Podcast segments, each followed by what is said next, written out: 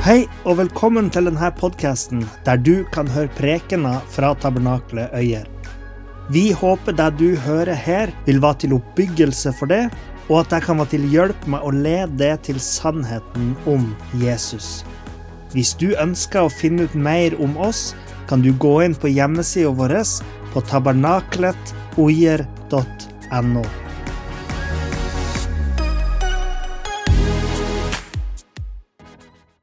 I kirka vår så snakker vi ofte om frelse. Vi snakker om at eh, Gud har sørga for vår frelse gjennom Jesus. Hva innebærer denne frelsen? Det er det vi skal snakke om i dag.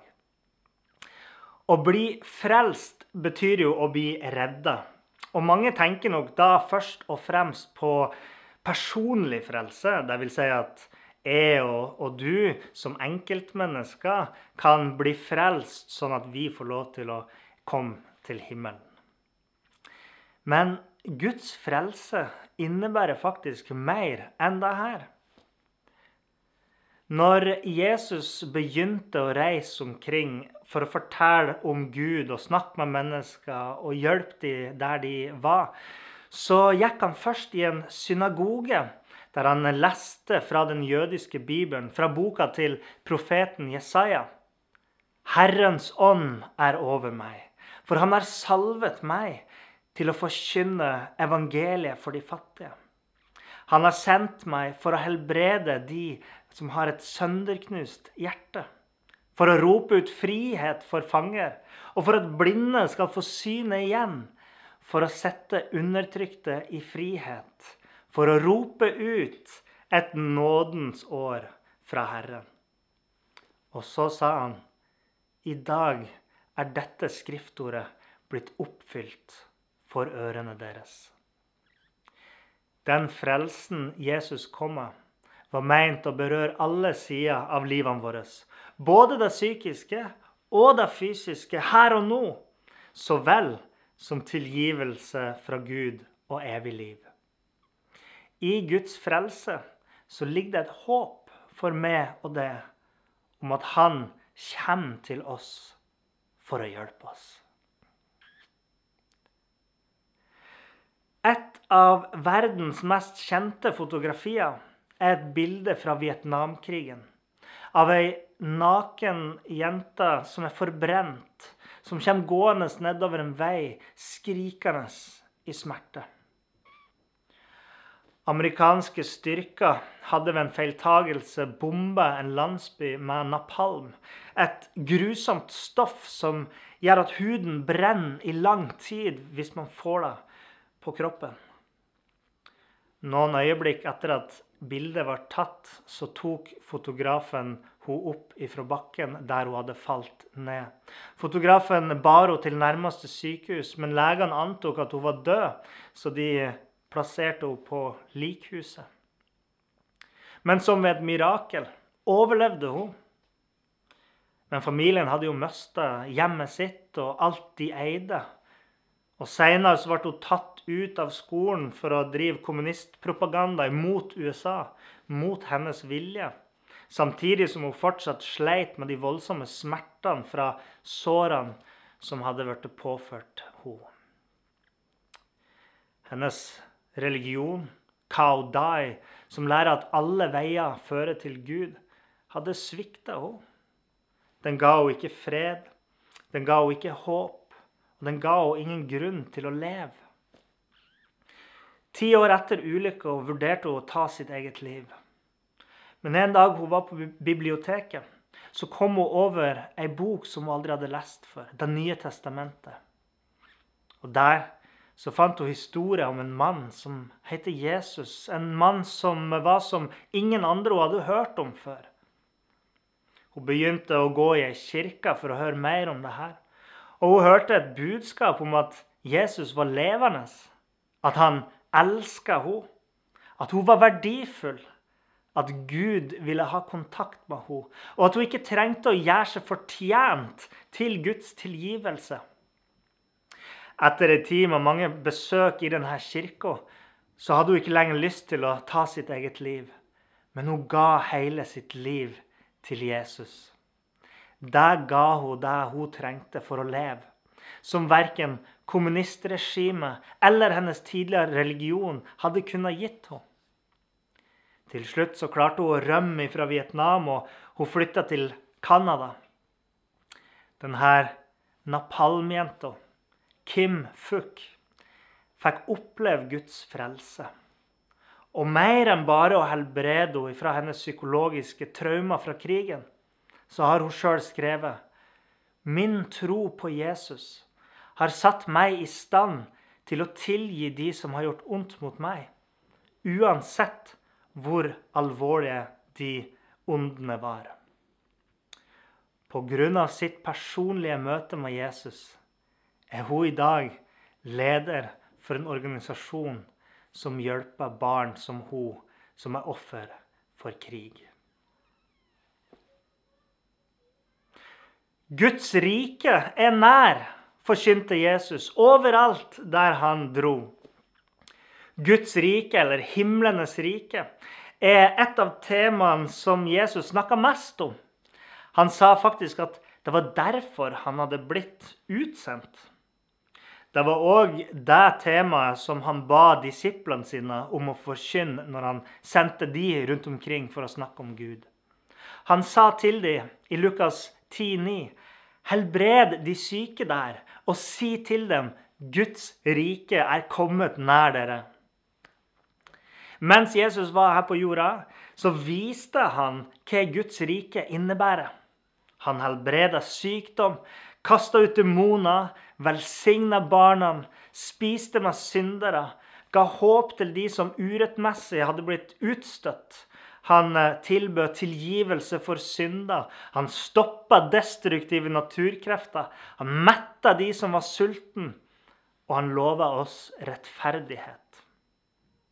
Altså, Guds frelse innebærer å rette opp alt som hadde gått gærent med Guds skaperverk. For å si det på en annen og litt enklere måte han vil reparere verden. Mange kristne har tatt dette på alvor og fulgt Jesu eksempel. Det er derfor kristent misjonsarbeid så ofte går hånd i hånd med nødhjelpsarbeid, fattigdomsbekjempelse og veldedighet. Det er pga. troen på at Guds rike innebærer hjelp til oss her og nå. Guds rike er nå, men enda ikke. Dette nærmest sjølmotsigende eh, utsagnet understreker et viktig poeng i kristen tro. Det sier at sjøl om Guds rike er her nå, så er det ikke kommet hit for fullt. Det vil først skje når Jesus kommer tilbake for å regjere i verden over menneskene, han, når han skal skape en ny jord og en ny himmel. Guds frelsesplan for oss har altså et evighetsperspektiv. Fordi det innebærer et evig liv for alle de som tror. Jesus han fortalte mange lignelser om Guds rike. Og Der kommer det fram at noen ville være utafor riket, mens andre ville komme inn i det. Guds frelse betyr at vi skal komme inn i dette Guds rike og inn i Guds nærhet. Og eh, et av løftene som følger med å få innpass i Guds rike, det er å få evig liv.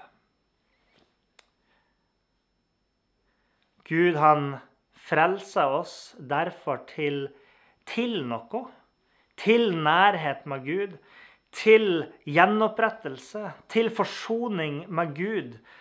Han frelser oss til evig liv. Noe av det han frelser oss til, det ser vi i verden i dag. Andre ting må vi være tålmodige og vente på. Sjøl om Jesus visste eh, at eh, Guds rike var her nå, og viste oss det ved å gjøre gode handlinger imot mennesker som, og, og, underviste om, om de her sannhetene, så var selve kronen på verket hans hans død og oppstandelse. Det var det største tegnet som bekrefta hans identitet som Guds sønn og som herre over døden. Og det er nettopp det som bekrefter for oss at det er evig liv i Guds rike for alle som tror.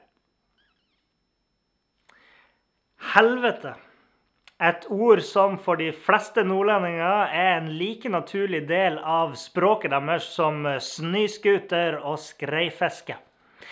Men så snart en kristen tar dette ordet i sin munn, så blir det med ett mye verre. Det er liksom helt greit å ønske at noen skal dra til helvete. Men når en kristen ønsker at du skal bli redda fra helvete, da er det fort folk som blir støtt. Frelse handler jo om å bli redda fra noe særdeles alvorlig. Sjøl om det bare hadde vært snakk om død, så er det likevel noe som er verdt å reddes ifra. Nå er det ikke min mening å prøve å skremme noen til frelse, slik noen kristne kanskje har gjort opp gjennom historien. Det hadde òg vært et veldig usunt grunnlag å bygge sin relasjon til Gud på. Gud han vil aldri gi oss noe vi ikke har fortjent.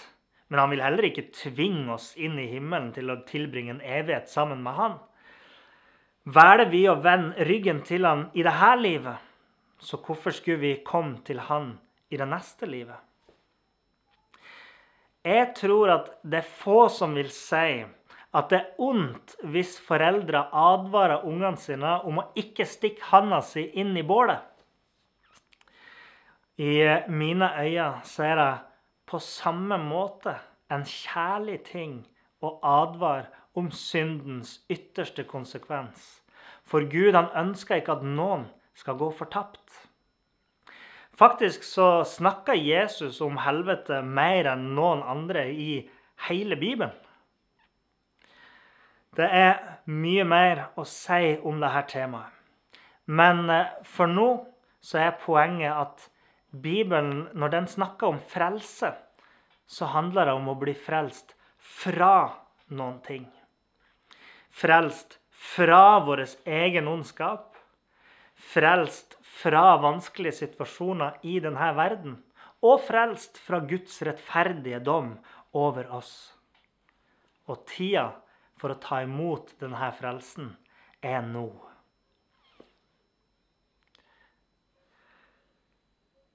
Frelse innebærer mange ting.